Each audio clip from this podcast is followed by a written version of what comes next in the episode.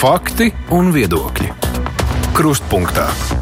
Studijā Mārija Ansone. Šodien krustpunktā uzmanības lokā sabiedriskais transports Rīgā. Tas ir būtisks ne tikai rīdziniekiem, jo galvaspilsēta tomēr ir galvaspilsēta. Turklāt tas iziet arī ārpus Rīgas, Rīgas robežām. Mums šodien ir iespēja iztaujāt uzņēmumu Rīgas satiksmi valdes priekšsēdētāju Ģinetīnu. Labdien! Labdien!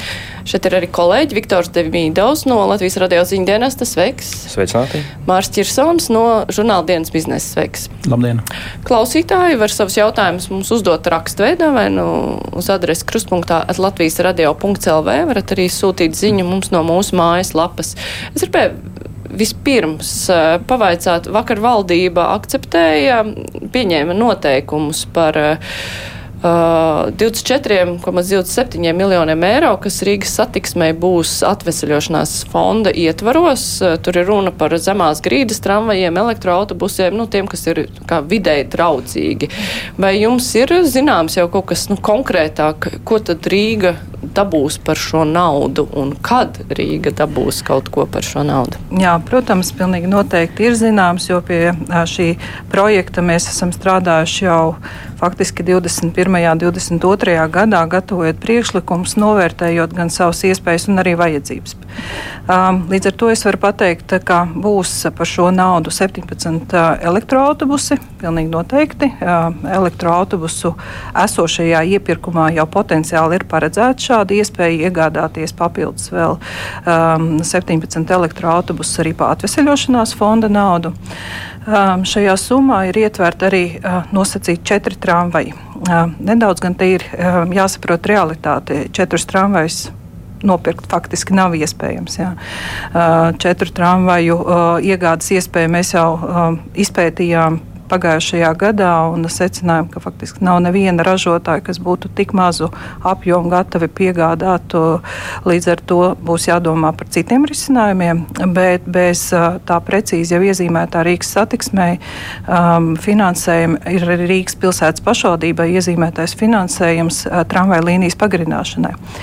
Septītā tramvaja līnija tiks pagarināta no Doles galapunkta esošā līdz pat Višķu ielas krustojumam, izveidojot jaunu tādu mobilitātes punktu, kur satiksies uh, 7. tramvajs pagarinātā līnijā ar 15. trolēbusu un vēl tiks, tiks izveidotas potenciāli vietas arī reģionā, reģionālā autobusu pasažieru apmaiņai un pārsēšanās uz pilsētas transportu. Tā, tā būs, izmantojot šo atvesaļošanās fondu, nu, faktiski pirmā jaunā jaunā, pilnīgi no jauna izbūvētās tramvaja līnijas daļa kopš šķiet 80. gada beigām. Kolēģi? Es tieši par um, elektroautobusiem gribēju pievērsties vairāk. Um, februārī, kad mēs uh, tikāmies preses konferencē, tad uh, izskanēja informācija par 35 elektroautobusiem, kas izmaksās 23 miljonus eiro. Tagad uh, jūs pateicāt 17. Tad cik tad īsti šogad rīznieki sagaidīs pilsētas ielās? Elektro... Šogad 35, 3... jo tie ir pa kohēzijas fonda līdzekļiem. Tātad iegādātie elektroautobusi. Jautājums bija par atveseļošanās fondu, kas ir līdz 26. gadam jārealizē. Un, nu, tātad tas arī nozīmē, ka līdz 26. gadam šie papildus elektroautobusi būs jāiepērk. Un mums ir joprojām divas izvēles. Vai nu esošā iepirkumā, iepirkuma ietveros nopirkt šo papildus apjomu, vai rīkot jaunu iepirkumu. Bet kaut kādas bažas par to, ka līdz 26. gadam nevarētu to izdarīt, tur nav. Nē, tur nu, viss ir elektroautobusiem noteikti, jo jau esošos autobusu ražošanas termiņš ir, lai gan ir ļoti saspringts, bet acīm redzot ir izdarāms, jo bija pat uh, vairāki piedāvā, piedāvājumi, un kas ir tātad viena gada ietvaros, nu, tas ir neticami maz, maz laika periods jauna transporta, transporta saražošanai un uh, nodošanai pasūtītājiem. Tā kā līdz 26. gadam mums tiešām par elektroautobusu sadaļu nav īstu bažu. Jūs minējāt elektroautobusu šogad, ka varētu. Tātad jūs zināt, kādas markas elektroautobusi jau būs. Jā, jā. Un, attiecīgi, es saprotu, ka tiek gatavota infrastruktūra, tātad uzlādes sistēmas šobrīd. Kur šīs uzlādes sistēmas tiek šobrīd veidotas? Tas ir galapunktos vai kur un kuros maršrutos tad jūs plānojat izmantot šos elektroautobusus? Uh, maršruti vēl tiks analizēti. Elektroautobusus mēs iepērkam no Solaris. Uh, par to mēs arī jau diezgan mēģinājām intensīvi informēt gan klausītājus, gan sabiedrību. Tātad tie būs jauni 35 Solaris ražotie elektroautobusi, 12 metrus garu un elektrouzlādes infrastruktūru mēs šobrīd veidojam 7. autobusu parkā, kas ir Vestienas ielā ar vienu jaunus autobusus uh, iegādājoties, protams, būs jātīst arī elektrouzlādes tīkls. Neapšaubāmi tā, tāds plāns tiek šobrīd gatavots.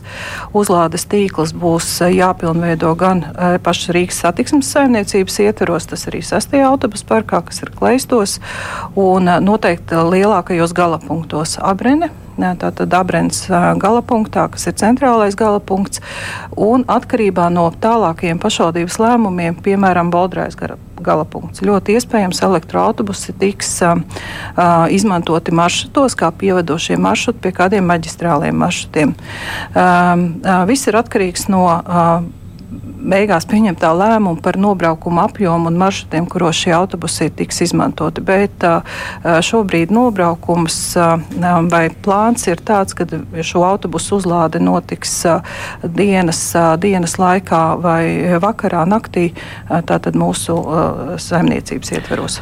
Bet jūs minējāt šīs vietas, vai jums ir attiecīgs elektrības pieslēgums, vai tur nav jāpārtais pēc būtības visa elektrības pieslēguma jā, jā, līnija uz šīm vietām? Tad ir jautājums, kas to sedz Rīgā. Rīgas satiksmi to sēdz sadales tīkls vai no kaut kādiem citiem Eiropas struktūra fondu naudiem, jo tās ir droši vien miljoniem mērāms izmaksas nu, izmaksas ir lielas.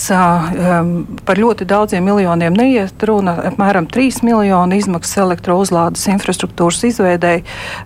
Jā, un šāds projekts jau tiek realizēts. Mums jau ir viss noslēgti iepirkuma līgumi un būvniecības līgumi. Tā kā jau šobrīd ir uzsākti darbi mūsu Vestienas ielas autobusu parkā, elektroautobusu tieši uzlādes infrastruktūras izveidošanai.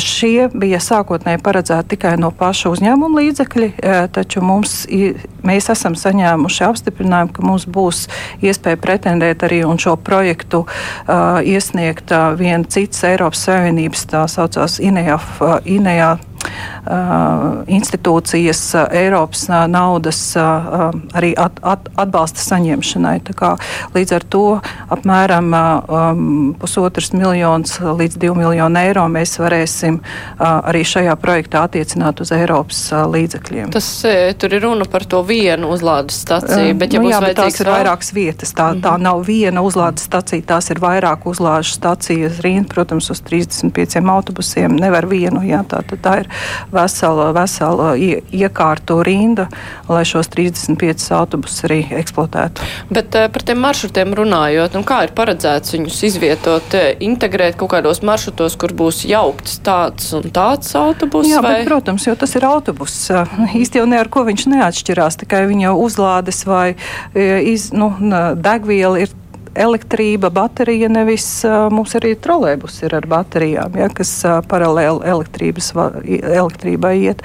Tā kā nekāda jau no transporta viedokļa tas nav ļoti atšķirīgs, atšķirīgs veids, nu, vienkārši tā ir loģistika drusiņcīta. Ja jau ir elektroautobusi, tad kādreiz bija tāda ideja, ka varbūt ka var mēģināt lēnām atteikties no trolēļbusiem, kuriem ir šī vadi, vadu infrastruktūra visā augšā. Un vienlaicīgi nu, arī varbūt, es atvainojos, tā nebūs tā, ka trolēļbusam nu, kaut kad tomēr nokrīt šis vats, tad jākāpj ārā, ir jautājums par drošību vadītājiem un tā tālāk. Vai šāds risinājums arī var tikt izskatīts? Eh, laikam šobrīd nē. Laikam šobrīd tāda plāna nav, jo patiesībā eh, Eiropa iet nedaudz citu pretējo ceļu. Tieši otrādi attīsta eh, trolēbusu un kontaktīklu šo transporta veidu. Pirmkārt, tas ir zaļais transports. Jā, ir izaicinājums tad, ja kaut kas notiek ar kontaktīklu un, kā jūs sakat, nokrīt tur kaut kas, tad var darbi, tad ir labi, ka ir cita alternatīvas enerģija vienlaikus šajā trolēbusā. Tad šobrīd mums ir dīzeļu ģeneratori, bet tikpat labi tie varētu būt arī tātad elektrības baterijas. Un, patiesībā ne, šobrīd esošais trolēļus parks mums ir ļoti labs. Nu, salīdzinoši viņš ir ļoti daudz jaunāks nekā autobusu parks bija līdz pat pagājušam gadam. Tāpēc trolēļusu nu, tā, maršrutus mēs pārskatām tikai tādā veidā, lai tie būtu efektīvāki. Bet atteikties pagaidām pilsēta noteikti neplāno. Un daudzi citi dara pretējo iepērk un veido jaunus, jaunus maršrutus tieši trolēļus maršrutos. Bet nu, izmaksu ziņā trolēļus un autobusus, elektrobus, tas ir izmaksas ir vienādas vai mm. ir izdevīgāk kaut ko vienu vai otru? Um, Jebkurš jaunais transports izmaksu ziņā ir salīdzinoši dārgāks nekā, ja to salīdzina ar tradicionālo dīzeļu autobusu, jo pirmkārt pats transports ir ne, dārgāks. Otrkārt, un elektrobusu salīdzinājumā. Šobrīd mēs droši vien vēl tā nevaram novērtēt, jo izmaksas ir ļoti, nu pašam transportam nav varbūt tik atšķirīgas uh, transporta izmaksas. Uh, drīzāk jautājums ir par elektrības cenām, par kādām mēs uh, spējam tātad iegādāties un, un, un kādas mums ir izmaksas tieši uz pašu patēriņu. Ja, tās visvairāk mūs ietekmē patēriņa cenas, kādas ir attiecīgi biržā un kādas, par kādām mēs samaksājam par elektrību.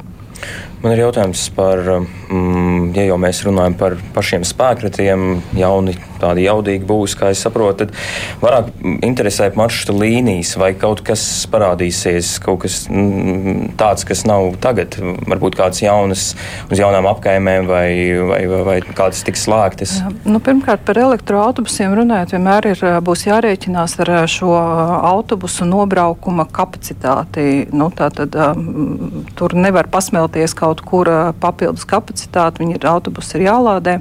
Līdz ar to jebkura maršruta vai eksploatācija jebkurā maršrutā būs atkarīga no maršruta garuma, sarežģītības un ko, kā mēs organizējam darbu. Par jaunām līnijām runājot un vispār par maršrutu tīklu, tas nav tik vienkāršs jautājums, uz kur es varētu atbildēt tūlīt un iedot atbildi būs tādas vai citādi maršruti, jo patiesībā pasūtītājs ir tas un tā ir Rīgas doma, kas nosaka gan maršruta tīklu, gan arī uh, sniedz uzdevumu, kur un kā braukt. Uh, Cik man ir zināms, tad pilsētas attīstības departaments ir um, jau veicis priekšdarbus vai izsludinājis iepirkumu, lai vispār izanalizētu, kāds ir esošais maršrutu tīkls un kādi būtu uh, nepieciešamās izmaiņas uh, esošā maršrutu tīkla uzlabošanā, kur uh, iespējams maršruti dublējas vai kur ir jāpagarina vai tieši otrādi, kur būtu jāsamazina. Tas nebūs ļoti ātrs darbs, jo um, tajā visā ietekmē uh, gan nu, tāda plānošana un uh, mūsu pieņēmumi, kā būtu vajadzīgs labāk. Tā pašā laikā, protams, ir arī pasažieru pieredumi, uh, cilvēku vēlmes. Uh, mēs, uh, Izmēģinājām, mēs izmēģinājām, mēs patiešām arī vienu maršrutu mainījām, piemēram, sastais autobus izmaiņas tika skaņotas pusotru gadu. Ja, tad, tad ļoti liela ietekme ir arī sabiedrības un uh, konkrētā maršrutā pasažieru nu, vajadzībām, vēlmei un pat arī viedoklim vai pieredumam, kā, kā, kā ir pārsēsties vai nepārsēsties, vai paiet tālāk vai nepaiet tālāk. Tā kā katra maršruta izmaiņa ir ļoti nu, diezgan komplicēts. komplicēts jautājums, kur nu, tāda tehnisks viedoklis nevienmēr uh, gūst virsroku par tādu, tādu uh, uh, sabiedrības viedokli, varētu teikt. Nu, tā. jā, bet uh, kontekstā Rīgas plāniem atslogot centru no uh, transporta. Uh, ir dažādas nu, ierosinājumi bijuši tajā skaitā, pat vispār padarīt ļoti neizdevīgi iebraukšanu ar savu transportu pilsētas centrā. Nu, tās visas apturēšanas notiek kaut kādā saziņā ar Rīgas satiksmi, jo nu, tur ir ārkārtīgi svarīgs labs, ērts sabiedriskais transports ar kaut ko tādu. Um, Jā, ar mums rēķinās un arī mums, nu, kā pasaka, mūsu eksperti un speciālisti piedalās dažādos formātos, eh, bet eh, šobrīd vairāk ir neatbildēti un nezinām jautājumi, nekā iespējams sniegt atbildes, jo mums arī ir ļoti svarīgi saprast, nu, kāds tad būs, kāda izskatīsies pilsētas centrs, kāda būs infrastruktūra, ir tīpaši šādā milzīgā pārmaiņu brīdī, kas notiek ap pašā, pašā pilsētas sirdī, ja faktiski ap centrālo staciju, ap centrālu tirgu un autoostu. Um, Ir dažādi viedokļi par termiņiem, bet tas, ka šajā centrālajā daļā pamata, pamata transporta, sabiedriskā transporta veids būs elektrotransports, trolejbus, elektroautobus, tramvajs, tas, ar to mēs jau sākam rēķināties, un līdz ar to visa cita veida esošie transporti, no acīm redzot, būs jāpārorganizē arī no tāda loģistikas un darba organizācijas viedokļu uz citiem maršrutiem, kas neienāk centrā vai, vai nav centra maršrutiem varbūt satiksmi pār jauno Dauderes salas, ja pareizi izrunāju, mm, pārvadu ir plānots, nu, iepriekš saukts par sarkandaugos pārvadu. Varbūt ir plānots atklāt um, ilgi lolots pasākums, es teiktu, tas pārvads bija. Jā, tiešām tas tā ir. Un, Bet jautājums, kāds mērķis ir tieši sabiedriskajam transportam braukt pa šo pārvadu, jo tur par šo pārvadu ļoti ātri pārbrauc privātais transports un patiesībā sarkandaugovs šī esošā maršruta izbraukšana ir kļuvusi daudz vienkāršāka un ātrāka. Turklāt ir jāņem vērā, kur tad ir pasažieris. Mēs tiešām arī skaitījām un analizējām, kas būtu, ja mēs kādu no esošiem maršrutiem, piemēram, otrais autobus vai vienpadsmitais autobus pārlikt uz šo pārvadu pārvadu, tad faktiski mēs padarītu dzīvi nērtāku apmēram 2000 cilvēkiem, kas tajā rajonā iekāpt šajās konkrētajās pieturās dienas laikā. Savukārt otrā pusē, kur tagad izbrauc šis pārvads, ne pieturvietu infrastruktūra, ne arī attiecīgā pasažieru plūsma ir tāda, kur varētu šie cilvēki vienkārši nu, pāriet. Ja? Tāpēc pagaidām mēs esam skeptiski par šādu iespēju vienkārši braukt. braukt. Nav jau mērķis braukt. Ja? braukt mērķis ir uzņemt pasažieru un aizvest viņu līdz viņam vēlamajam galapunktam.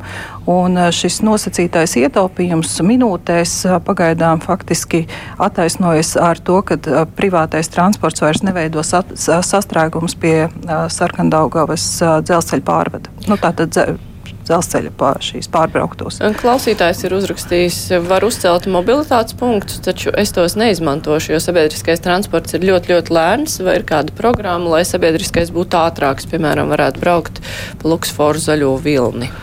Um, nu, katru katru uh, dienu ne, bet uh, nepārtraukti tiek veikti arī uzlabojumi uh, Luksaforu tīklā. Tās gan nav Rīgas satiksmes uh, nu, teiksim, varā, bet uh, arī pilsētas Luksaforu saimniecības cilvēki mūsos ļoti ieklausās. Un, piemēram, šobrīd pirmā tramvaja maršrutā ir ļoti saskaņoti Luksaforu signāla plāni, lai, uh, kas ir saskaņot pat ar tramvajiem, kur ir attiecīgi signāla devēji, lai uh, š, pēc iespējas uh, tramvajas izbraukt brauktu šiem e, krustojumiem pāri neapstājoties un apstātos pie pieturas un tikko kā tramvajam durvis aizverās, tā turpinātu ceļu. E, šāds plāns ir arī jaunajā projektējumā septītā līnijā, kur tūlītās, tūlītās sāksies darbi un viss signāla plāns jau ir, jau ir pakārtots tramvaju kustībai šādi, šādi to paredz projekts, tieši tāpat tās piektā līnijā. Tā kā ļoti daudz darba tiek darīts, nu, tos nevar tā pamanīt. Varbūt e, nu,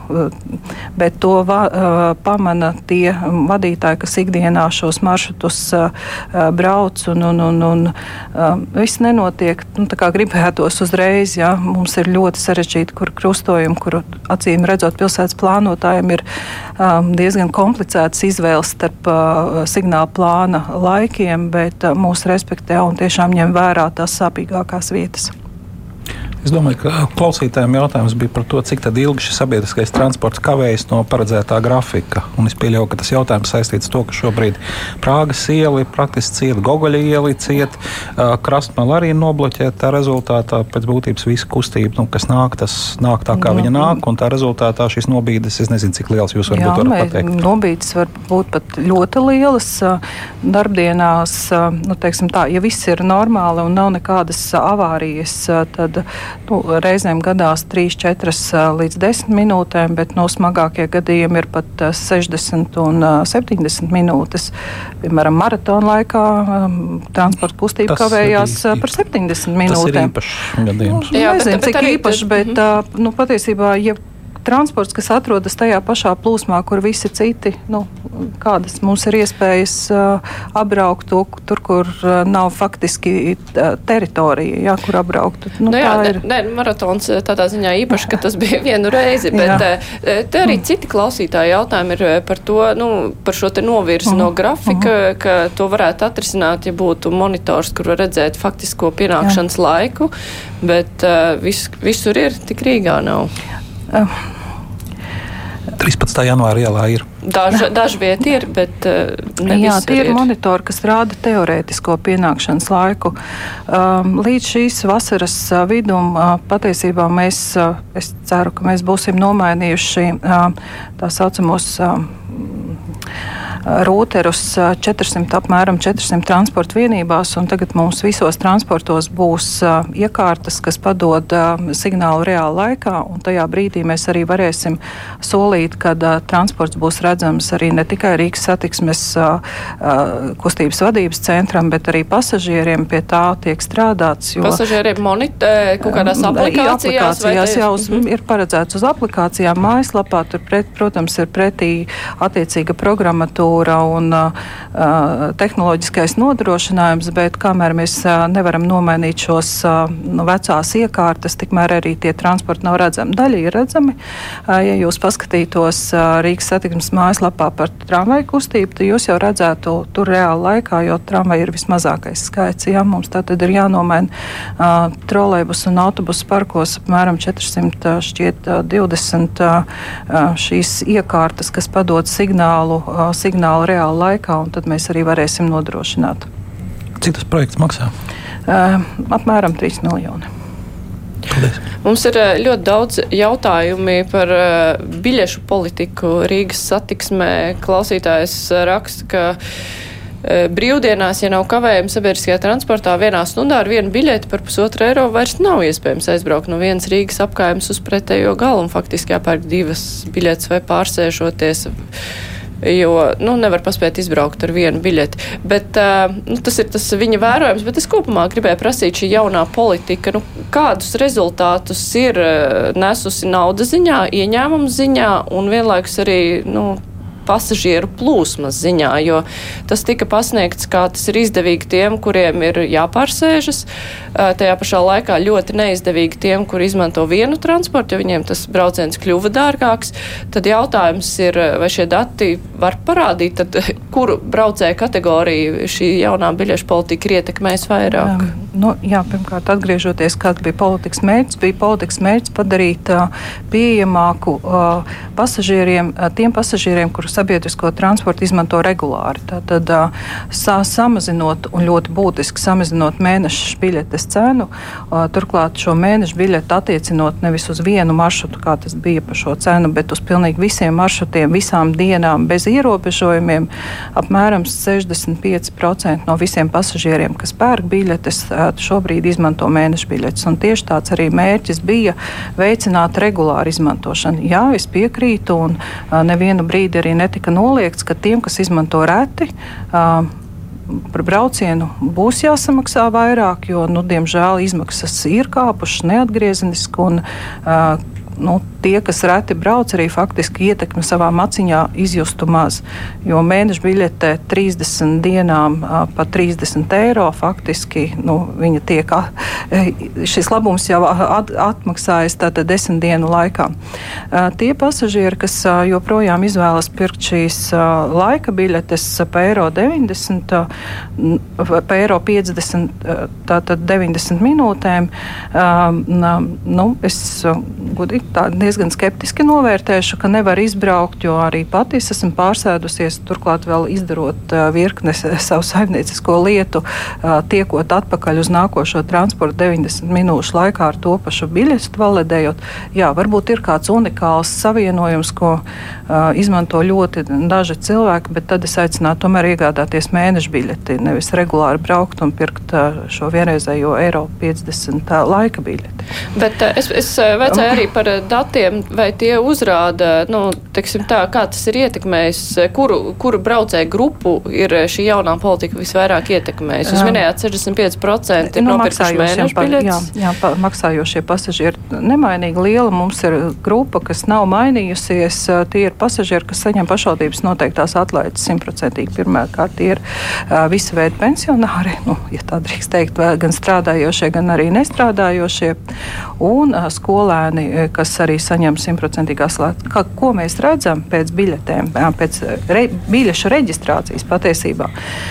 Reģistrācija ir pieaugusi diezgan iespēj, ievērojami, apmēram 15%, un šobrīd tāds vērtējums cilvēki gan darbinieki vēl analizē, ka patiesībā tie nav jauni pasažieri vai jauni pasažieri salīdzinoši maz pēc būtības tie ir pasažieri, kas šobrīd var atļauties reģistrēt biļetes un to dara, vairs nebažījoties, ka būs kontrole vai uh, bez uh, teiksim, ierobežojumiem pārsēžoties no viena transporta uz citu.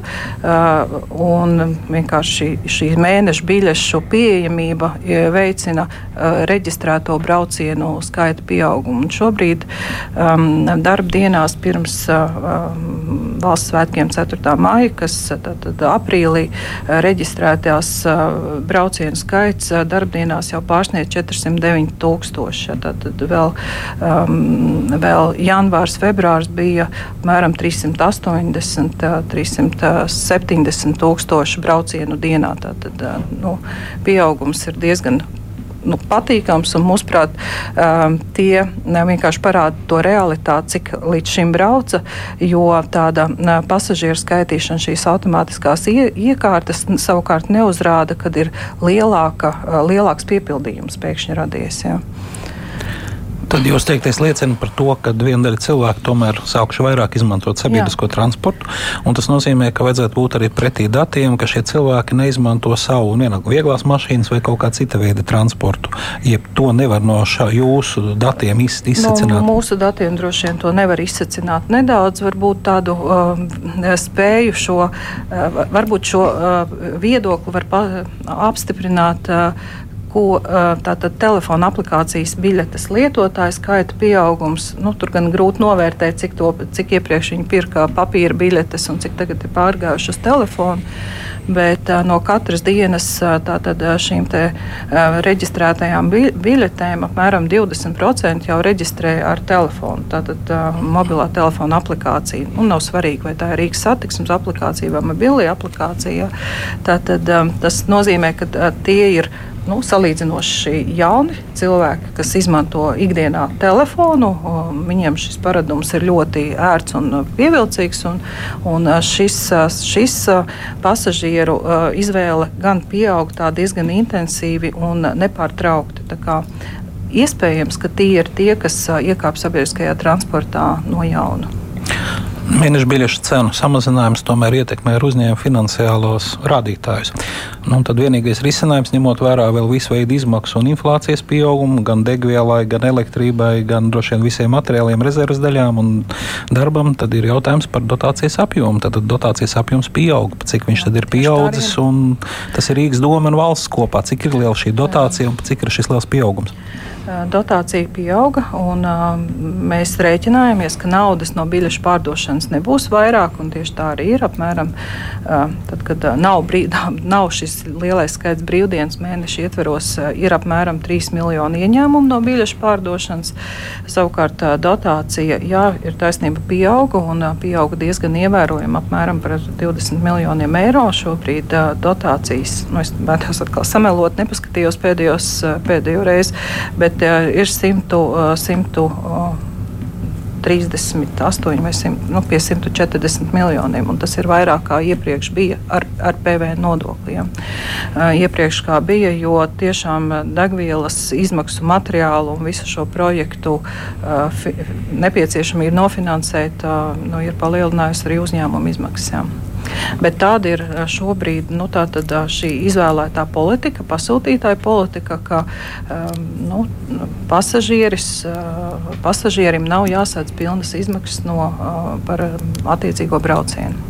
Es atgādināšu klausītājiem, vēlāk arī Latvijas televīzijas skatītājiem, ka šodien eh, kopā ar mums ir uzņēmuma Rīgas satiksme valdes priekšsēdētāja Džinēta Inusa, arī kolēģi žurnālisti Māris Čirsons no dienas biznesa un Viktors Demīdovs no Latvijas radio ziņdienesta. Mēs tūlīt turpināsim. Raidījums Krustpunktā. Mums ir ļoti daudz jautājumu par etalonu sistēmu, par to, kāpēc ir tik maz vietas, kur tos var nopirkt. Uh, aplikācija telefonā ir ļoti jauki, bet tur ir nepieciešams vietā runis. Un interneta pieslēgums, lai to varētu lietot, un ir apkaimes, kur cilvēki nevar atbraukt, ja viņiem nav mēneša biļete, viņi brauc reti. Vai Rīgas satiksme plāno vēl kādus risinājumus, kur varētu nopirkt biļetes? Un te ir arī norādes par ārzemniekiem, kuriem arī ir problemātiski, kur nesaprot, kur var nopirkt biļetes. Aplikācija viņiem, protams, nav. 22. autobuss, nu, tur var nopirkt pie vadītāja, bet uh, citos maršrutos nekādi. Es apkopoju vienkārši jā, vairākus jautājumus kopā. Tātad par biļešu sistēmu. Biļešu pārdošanas vietu skaits dienu nav samazinājies. Bet nu, tas 400. atrodas vairāk centrā un nu, tādās. Tikai visā, pilnīgi visās apkaimēs. Ne gala punktos. Ne gala, punktos, tur, kur ir mums, tur, kur ir dispečeri joprojām strādā, tad mums arī ir gala punkti bez fiziskā personāla. Tur var nopirkt biļetes, bet, jā, jā, bet tās vietas, kas ir tirzniecības vietas, tās nav kļuvušas mazāk un arī nekļūs mazāk. Tieši tāpatās kā visi biļešu automāti, kuros var nopirkt, tie arī strādā. Mēs turklāt arī viņus pārvietojam vairāk uz tādām vietām, kur saprotam, ka līdzinējā atrašanās vieta bija tāda nu, nepārāk ne, draudzīga potenciālam pasažierim. Piemēram, jauns biļešu automāts ir pie Gaļas slimnīcas. Uh, jā, bet tas ir saistīts ar šīs biļešu sistēmas, kāda mums šobrīd ir, faktiski tehnisko kapacitāti, kas uh, pakāpeniski beidzas. Un, uh, tieši tāpēc uh, mēs jau pusotru gadu atpakaļ uh, veicām vienu tirgus izpēti par jaunu biļešu sistēmas iegādes potenciāliem risinājumiem. Šogad rudenī sāksim otru, nedaudz pārskatot savas varbūt, gaidas, pretenzijas pret šādas biļešu sistēmas. Tas galvenais noteikums jaunai biļešu sistēmai ir būt neatkarīgam no tehnisko iekārtu uh, maiņas, no tehniskā iekārtu ražotāja, respektīvi, tātad, lai mēs varam uh, izdarīt izvēles starp uh, iespējams labāko un vienkāršāko un ātrāko veidu, kā atjaunot biļešu sistēmas komponences, tīpaši tehniskās iekārtas. Un, um, Otrs galvenais noteikums ir tātad iespēja iegādāties biļetes ar kredītu, nu, ar karti, ja tā tad neveicot uzreiz, uzreiz transporta līdzeklī, mm kā tas ir daudz kur citur. Um, es gan teiktu tā, es arī pati šeit kaut kur aizbraucu, un nav tā, ka es varu aizbraukt un uh, man kāds skrien pretī un, un, un piedāvā jebkurā pilsētā sabiedriskā transporta biļetes. Man arī kaut kāda zināma izpēta ir jāveic, kur un kā iegādāties. Uh, um, par pārdošanu pie vadītājiem, nu, tas ir mūsu apzināts lēmums, lai izbeigtu šo skaidrās naudas apriti, kas pirmkārt ir nu, skaidrā nauda, rada savas blaknes. Starppilsētu autobusos karti. Um, jā, varbūt starppilsētu autobusos desmit ar karti var tādu vienkāršu risinājumu izdarīt, bet 800 transporta vienībās uzlikt tādu vienkāršu kartes aparātu, tas nav tā ļoti ātri un vienkārši. Tāpēc ir tikai 22. autobus, kur tiešām ir šīs turistu uh, īpatsvars lielāks, un tur arī biļete ir dārgāka. Patiesībā viņi ir uh, ļoti līdz, salīdz, biļetes cena ir salīdzināma ar uh, vairāku blakus esošo mūsu kaimiņu pil, galvaspilsētu biļetes cenām cenām. Tur var nopirkt pie vadītāja, un tā ir atsevišķa biļešu sistēma, ko mēs atsevišķi uzturam tieši šo pasažieru ērtībām. Bet tas nav tāds ļoti labs risinājums, jo tas prasa vadītājiem laiku. Tur ir kavējumi, to mēs atzīstam, ka vadītājiem ir jākavē reisa uzsākšana, tāpēc ka viņš tirgo fiziski biļetes un uh, nespēja apkalpot šo pasažieru plūsmu. Lai gan automāts stāv blakus, lidostā biļeti var nopirkt, bet uh, Nu, tā tad cilvēks neizvēlas nopirkt iepriekš biļeti, viņš to dara. Nu, viņš varbūt nesaprot, bet uh, jūs pieminējāt šo jauno, šo izpēti par iespējamu jaunu sistēmu. Tad, kad varētu būt kaut kādi lēmumi vai jaunā sistēma? Jebkuras tātad iepirkuma procedūra jārēķinās uz šādu iepirkumu ir apmēram gads. Es neloloju ilūzijas, kad varētu šādu sistēmu iepirkt ātri un vienkārši. Um, vismaz nākošais gads paies līdz lēmumu pieņemšanai. Tātad ir piedāvājumi, piedāvājumi izvērtējumi. Mēs ceram uz diezgan lielu konkurenci. Jā, jā, jā, mēs strādājam pie tā, lai tehniskā specifikācija pretendentiem būtu pēc iespējas saprotama un un bez nu, teiksim, tādiem tur nepieciešamības veikt daudzus grozījumus, kas vienkārši paildzina visu procesu, administratīvo procesu līdz lēmumu pieņemšanai. Tad uh, gads līdz is, iepirkuma izsludināšanai. Nē, gads ar iepirkumu. Ar iepirkumu, ar, ar iepirkumu kopā. Mhm. Jā, nu tātad, Jā. ja mēs šogad rudenī uzsākam, tad nākošā gada beigās op, mēs būsim optimisti un uh, lēmumu vajadzētu būt. Bet tas nozīmē, ka jums visa sistēma būs jānomaina. Tas nozīmē, ka visi personalizēti e-taloni, neatkarīgi kam viņi ir, viņi būs jāmaina. Nu, Principā tā- tā iznāk. Jeb- jeb tomēr jūs domājat, ka atrast tās risinājumu, jā, ka nē? Jā, gribētos tomēr atrast risinājumu, kad nē, kad uh, var notikt uh, pāreja, nu, teiksim, pēc iespējas draudzīgākā veidā, vai arī nu, teiksim, pārējais periods, kad pietiekami liels, lai apkalpotu esošo klientu apjomu, kas ir apmēram 600 tūkstoši, ir personalizētie šo uh, mūsu pasažieru, kas izmanto personalizētos etalons. Nav vienkāršas atbildes, jebkuras šādas milzīgas sistēmas nomaiņa ir gan tehniski, gan administratīvs ļoti liels projekts un arī rada diezgan, pam, diezgan lielus izaicinājumus personālam un arī, protams, nērtības iespējams kādam. Bet, Bet ir jāstrādā pie tā, lai tās nērtības, ja viņas ir, viņas ir saprotamas un pēc iespējas vien, mazākas. jo vienkāršajos cilvēkiem 600 tūkstošu lūksiet nomainīt, nu vienkārši jūsu Bet darbinieki klientu saprotam. apkalpošanas centros. Es, es ļoti atvainojos, tur būs tiem, kas stāv rindā, ir tiem, kas apkalpo. Bet mēs to ļoti labi saprotam, ka tas nav izdarāms ne dienas, ne divu laikā, un tas nav izdarāms tik. Tāpēc ir jāatrod risinājums, kad jaunas sistēmas ieviesējs spēj, saprot, var pārņemt, un tas viss notiek nu, pēc iespējas gludāk. Cik tagadējā sistēma bi mm, biļešu maksā? Pirms pāris gadiem runāja, ka tie ir miljoniem mm, pašvaldību velti. Cik, cik tagad ir katru gadu samazinājumu? kopā ar visām pārdošanas izmaksām, tātad biļešu iegādes un uh, loģistika izdale un visa apkalpošana tehniskā maksā apmēram 3,2 miljonus atkarībā no tā, kādas, kādas darbības šajā sistēmā tiek veikts. Bet sistēma uztur pat Rīgas satiksme. Mums ir tikai ražotāja atbalsts par ļoti nelielu sadaļu, bet lielākā esošās sistēmas problēma, kā jau es teicu, viņi vienkārši ir kļūst jau veca, visas iekārtas jau nu, tātad savu resursu sāk izsmelt. Tas ir gadā vai mēnesī? Gadā, gadā, protams. Bet uh, cik jaunā, cik jūs paredzat, varētu maksāt? Um, iepriekš tātad. Um, Aizpagājušā gada beigās, pagājušā gada sākumā tirgus izpētes ietveros uh, tie pretendenti, un tādi bija apmēram astoņi, kas sniedza savus priekšlikumus par jaunas sistēmas, uh, nu, tātad tā, tā, visi kopā ar iekārtām. Uh, tās, uh, cenas atšķirības bija, nu, šī pro, projekta cenas atšķirības bija no apmēram no 8 līdz 15 miljoni par visu kopā. Nevis gada, ja, bet tā tad viss sistēma ar iekārtām, ar visu uzstādīšanu, ar visu ieviešanu. Pēc tam jau tās uzturēšanas izmaksas ir atkarīgs no tā, ko mēs no sistēmas gribam darīt. Ja. Tad mums ir. Uh, ir nepieciešams ikdienas kaut kāda procesa izmaiņas, tās, kurš viņas pārvalda un kas atbild par tālāku iekārtu uzturēšanu, lai visas IT risinājumi savā starpā draudzētos un spētu viens otru saprast. Par šo ir tad, tad, jebkura jauna sistēma uh, prasīs izmaksas, par to uh, nešaubamies, un uh, tās izmaksas ir atkarīgas no tā, ko mēs tajā sistēmā gribam darīt. Rīgas satiksme lielākais spēlētājs šajā jomā, pasažieru pārdevumus. Varbūt šo jauno jūsu sistēmu var salikt kopā ar nu, nezinu, starppilsētu autobusiem, pasažieru vilcienu un kopā veidot tādu kā sabiedriskā transporta vienotu biļeti. Kādreiz tādas idejas arī ir bijušas. Um, viena idejas par vienoto biļeti nav beigušās. Mēs arī šobrīd esam runājam arī atsevišķi un kopīgi gan ar pašvaldību, gan bez pašvaldības ar pasažieru vilcienu par iespē, iespējamās vienotās biļetes risinājumu Rīgas pilsētas ietveros.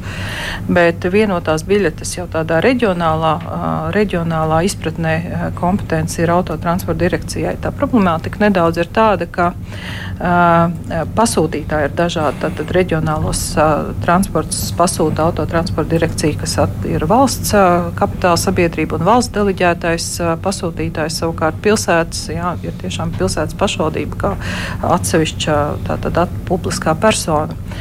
Um, tehniski tas nav liels izaicinājums. Tehniski to pat ir. Mēs zinām, kā to darīt, kādi ir risinājumi, kādi ir vājās vietas, kādas ir savukārt labās lietas.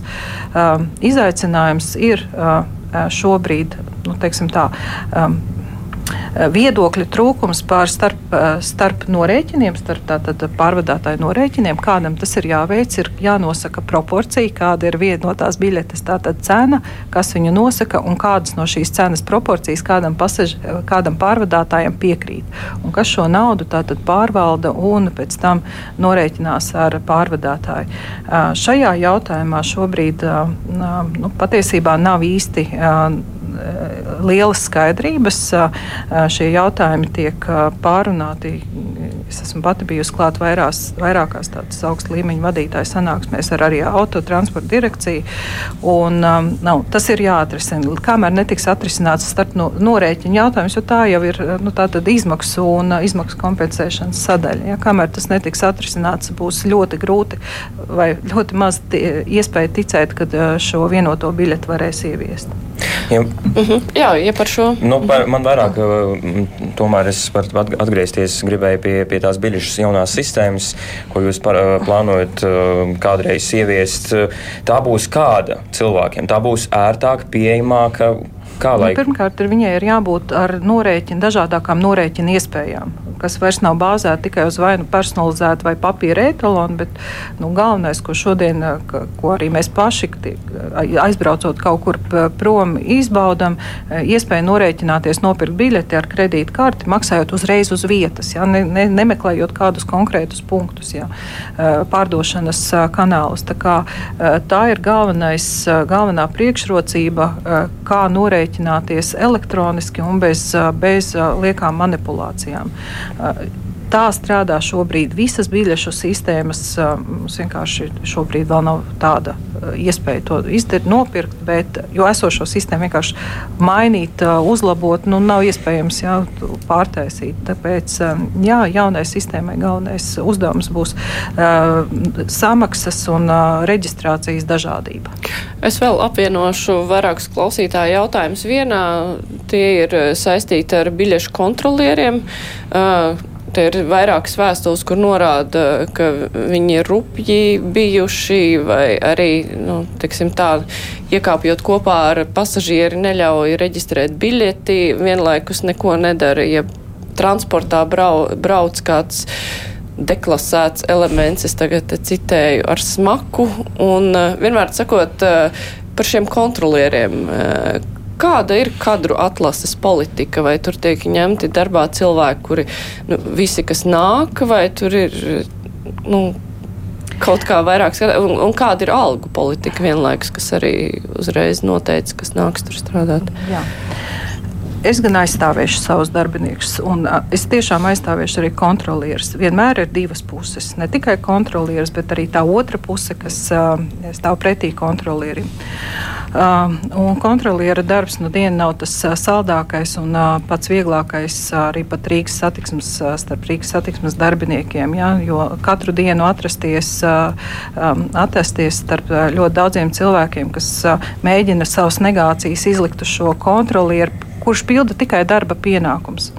Um, ir diezgan uh, jābūt noturīgam uh, psiholoģiski, ir jābūt spējīgam uh, savākties, un uh, reizēm tiešām uh, arī mūsu darbiniekiem gadās nu, tā, ka uh, vairs acīm redzot, uh, šis mērs ir bijis pilns, kas nav attaisnojams, uh, bet mēs uh, tās konkrētās sūdzības pār, pārbaudam. Ir brīžam uh, diezgan nu, tā, nepamatoti uh, pārmests kontrolierim par to, ka viņš lūdz uzrādīt uzrādīt biļeti, bet pasažieris tev biļetes iegādes sāk veikt tikai tajā brīdī, kad tiešām ir kontrole. Un to jau mēs arī redzam, pārbaudot visiem kontrolieriem, ir tā saucamās bodykameras vai kamera, kas, caur kuru mēs varam pārbaudīt viņa darba kvalitāti. Tieši tāpat arī sabiedriskā transportā ir kameras. Un atinot kontro, konkrētos gadījumus, mēs varam novērtēt, kurā brīdī ir vainīgs mūsu darbinieks un kurā brīdī tiešām darbiniekam nav ko pārmest. Kon, par kontrolieru darba algu runājot, jā, nu, darba alga varbūt nav pati augstākā, un tā, tā ir atkarīga arī no tiešām darba slodzes vai nostrādātajām stundām un veiktajiem tātad, kontrolas pasākumiem. Lielākajā daļā gadījumu es gan teiktu, tā mēs cītīgi strādājam ar kontrolieriem, un kontrolieri tiek apmācīti arī konflikta situācijas risināt. Un, teiksim, ja aizrāda, tad nu, aizrādīt, kādā veidā vai, vai kā komunicēt arī ar dažāda viedokļa pasažieriem, ar agresīvāk noskaņotiem. Tāpēc kontrolieriem, kontrolieru darbs ir diezgan izaicinošs. Attiecībā uz atlasi, nu, pirmkārt, nav tā, ka mums stāv ļoti lielas rindas uz šiem amatiem, uz šo, šo darbu veikšanu. Bet pirms kontrolieris sāk darbs, viņa, darbu, viņam ir noteikts periods, kad viņam ir teiksim, sagatavošanas periods, pārbaudas, prakses laiks, kurš, kurā viņš iet kopā ar tā, jau pieredzējušiem darbiniekiem un vispār novērtē, vai var vai nevar strādāt šo darbu. Kadra mainība ir apmēram 30%. Dažādos periodos dažādi. Um, un, nu, attiecīgi, jā, protams, fiziskā un uh, psiholoģiskā izturība ir viens no, uh, viens no galvenajiem noteikumiem, lai šo vispār darbu darītu. Cik strikti tiek kontrolieri instruēti par to, kā ir jāizturas gadījumos, ja ir kaut kas ar bērniem, transporta līdzeklī, vai bērns ir aizmirsis biļeti vai ko?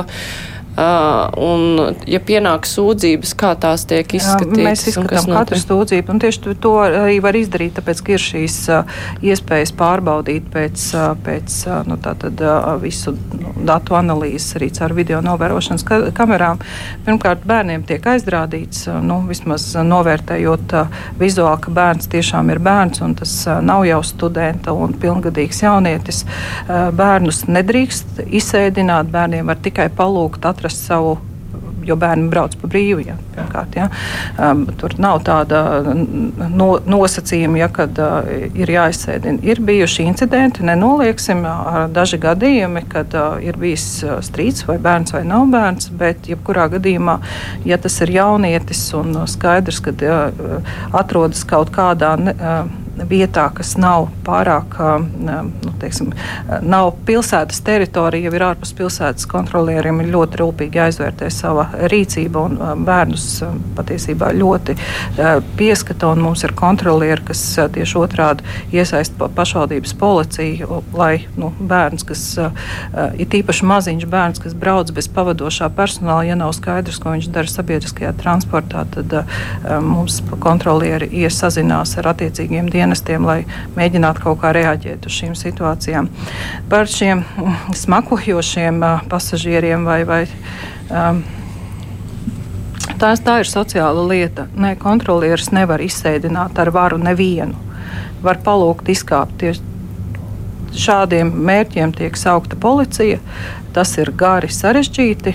Kontrolieriem nav administratīvās soda, tie, sodīšanas tiesības. Kontrolieris nav, nedrīkst veikt fiziskas darbības vai fiziski ietekmējošas darbības, lai kādu kādu kaut kur izsēdinātu. Tāpēc, um, tāpēc kontroliera uh, rīcībā esošie instrumenti ir ļoti ierobežoti. Tas, ko mēs darām, uh, saucam policiju. Tādi gadījumi gadā apmēram tieši ar šādiem, šādas kategorijas. Es nerunāju par policiju citu iemeslu dēļ, bet ar šādas kategorijas klientiem apmēram ir pusotras tūkstots gadā, kad uh, mēs uh, esam spiesti reaģēt uz šādu pasažieru uh, esamību vai izsēdišanu. Bet ir arī uh, nu, gadījumi tādi, ka šādiem pasažieriem ir biļetes.